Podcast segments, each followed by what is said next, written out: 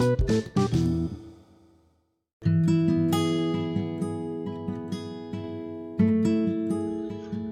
teman-teman, selamat datang di My Veta Podcast. Kenalin, nama aku Tirta, mahasiswa kedokteran hewan semester 6. Tujuan aku membuat podcast untuk sharing knowledge selama di perkuliahan seputar dunia kedokteran hewan. Nah, khususnya untuk hewan kesayangan seperti kucing, anjing, dan nggak menutup kemungkinan buat bahas tentang hewan-hewan lainnya. Nah, jadi buat topik yang pertama ini, teman-teman kita bakal bahas tentang mitos atau fakta sih bulu kucing menyebabkan kemandulan gitu. Nah, ada namanya penyakit yang kita kenal dengan toxoplasmosis. Nah, toxoplasmosis ini dia merupakan parasit yang sifatnya zoonosis, yaitu dapat ditularkan dari hewan ke manusia. Parasit penyebabnya sendiri berasal dari golongan protozoa yang lebih kita kenal dengan Toxoplasma gondii. Jadi sumber penularan utamanya itu bukan dari bulu kucing ya teman-teman, tapi Toxoplasma gondii ini dia memiliki tiga fase infeksi. Oke, yang fase infeksi yang pertama itu kita sebut dengan sporozoid. Jadi sporozoid ini dia terdapat di ookista yang disebarkan melalui feses golongan Felidae atau kita kenal dengan golongan kucing gitu sebagai hospes definitif.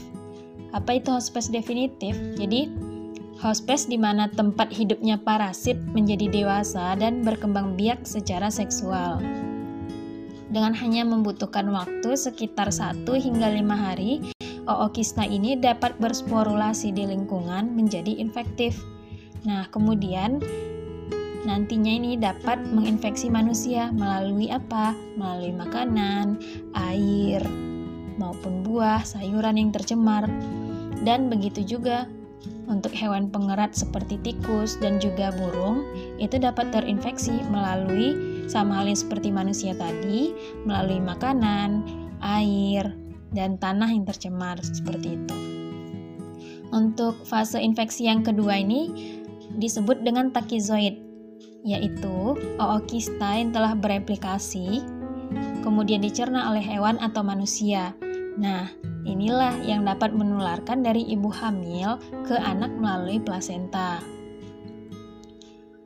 Nah, kalau yang ketiga ini, fase infeksi yang ketiga, kita kenal dengan bradyzoid. Jadi, bradyzoid ini dia merupakan dari kista takizoid pada jaringan syaraf atau otot yang hidup pada hospes intermediate atau hospes perantara, yaitu hewan selain kucing seperti hewan ternak, ayam, kambing, domba, babi, sapi, dan juga ada pada tikus. Nah, jadi untuk manusia dapat terinfeksi kista bradyzoid ini dari mana? Dari daging mentah yang belum dimasak secara matang.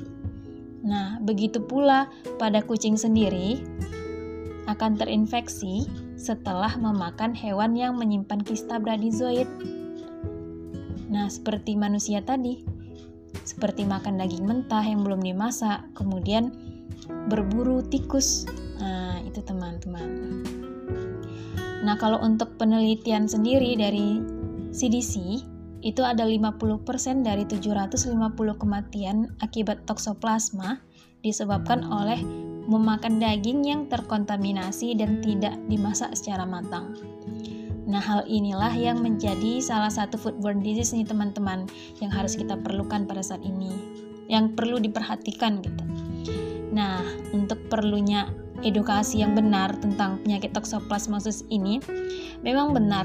Untuk orang dengan HIV AIDS atau wanita hamil dan balita itu beresiko tinggi tertular toxoplasma. Tapi tenang teman-teman, untuk wanita yang ingin hamil atau yang sedang hamil gitu ya ada yang namanya kita kenal dengan tes darah torch. Untuk mengetahui apakah ada infeksi apakah ada infeksi toksoplasma yang diderita. Nah, kemudian ntar bisa diobati langsung ke dokter. Tapi ke dokter manusia ya, teman-teman. Nah, kalau untuk pencegahannya sendiri, pencegahan dari penyakit toxoplasmosis ini yang dapat kita lakukan seperti masak makanan dengan matang, terutama daging. Nah, kemudian beri makan kucing itu makanan yang komersial yang udah disediakan tuh banyak di pet shop ataupun uh, di super supermarket gitu ya, yang udah sesuai sama uh, ras dan juga uh, umur si kucing, hewan-hewan peliharaan gitu ya jangan memberikan uh, makanan kucing itu makanan mentah dan juga uh, bukan hewan buruan seperti tikus. Jadi hindari untuk kucing kita berkeliaran berburu tikus ya teman-teman teman-teman karena itu memang uh, sangat rentan untuk kucing terinfeksi tokso gitu. Kemudian cuci bersih buah-buahan, sayuran, dan makanan. Nah, cuci tangan setelah memegang daging mentah. Nih, perlu diperhatikan nih teman-teman. Kemudian gunakan glove, cuci tangan setelah membersihkan litter box kucing. Karena apa? E, karena tadi sudah aku jelasin nih teman-teman bahwa ookista itu dapat bersporulasi sekitar 1 hingga 5 hari di lingkungan. Nah, jadi untuk litter box sendiri uh, minimal sehari itu sekali kita bersihkan. Nah, kemudian gunakan glove dan cuci tangan setelah berkebun. Nah, yang terakhir nih yang paling penting itu kita harus rajin cek kesehatan kucing dan hewan peliharaan kita teman-teman ke dokter hewan nih. Nah, pastikan bersih dari tokso dan penyakit lain ya. Oke. Sekian, semoga bermanfaat. Bye to the next My Veta podcast. Dadah.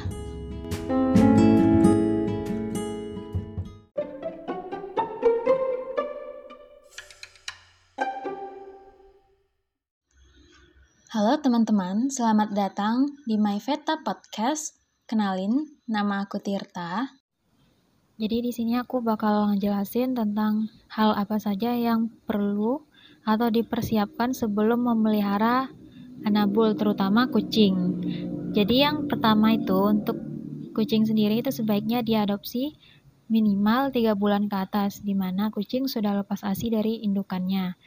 Yang kedua, tempat makan dan minum itu sebaiknya terpisah. Nah, untuk tempat makan itu sebaiknya yang anti semut ya teman-teman. Karena dari pengalaman aku, awalnya aku tuh beli tempat makan yang biasa gitu. Karena mikirnya nggak apa-apa lah, kan cuman wadah gitu, cuman buat makan. Awalnya kayak gitu. Tapi ternyata tempat makan ini perlu diperhatikan ya teman-teman. Yang ketiga itu kandang. Untuk kandang sendiri, Kenapa perlu? Karena di tempat aku tuh nggak ada ruangan yang khusus kucing. Jadi kandang ini perlu. Yang keempat, itu pet cargo. Kenapa pet cargo ini perlu? Fungsinya untuk membawa anabul jika kita mau berpergian. Dan juga membawa anabul kita ke vet, ke klinik, maupun ke puskeswan. Yang kelima, gunting kuku. Untuk gunting kuku sendiri, ini perlu kalau dari pengalaman aku itu sekali seminggu. Yang keenam, itu sisir. Untuk sisir sendiri, tergantung dari kucingnya. Kebetulan kucing aku itu long hair, jadi sekali sehari minimal. Yang ketujuh itu pembersih telinga. Untuk pembersih telinga, ini berbeda-beda sih setiap orang. Ada yang gunain tisu basah atau gunain air cleaner, tergantung kondisi telinga si kucing masing-masing. Kalau aku pribadi biasanya menggunakan tisu basah minimal sekali seminggu. Yang kedelapan itu litter box dan pasir. Ya, teman-teman pasti tahu kan box sama pasir untuk tempat si kucing untuk pup maupun pipis. Nah, yang kesembilan itu scoop scoop litter, litter boxnya untuk mengambil feses maupun pup. Nah, yang ke sepuluh itu muzzle atau kolar. Muzzle atau kolar ini Fungsinya itu masih dalam tahap pengobatan untuk menghindari jilatan jika ada luka. Tapi ini enggak enggak apa ya? enggak terlalu penting untuk di awal karena kan tergantung jika kondisi anabul kita sehat di awal jadi muzzle dan kolar ini enggak terlalu diperlukan gitu. Yang ke-11 mainan.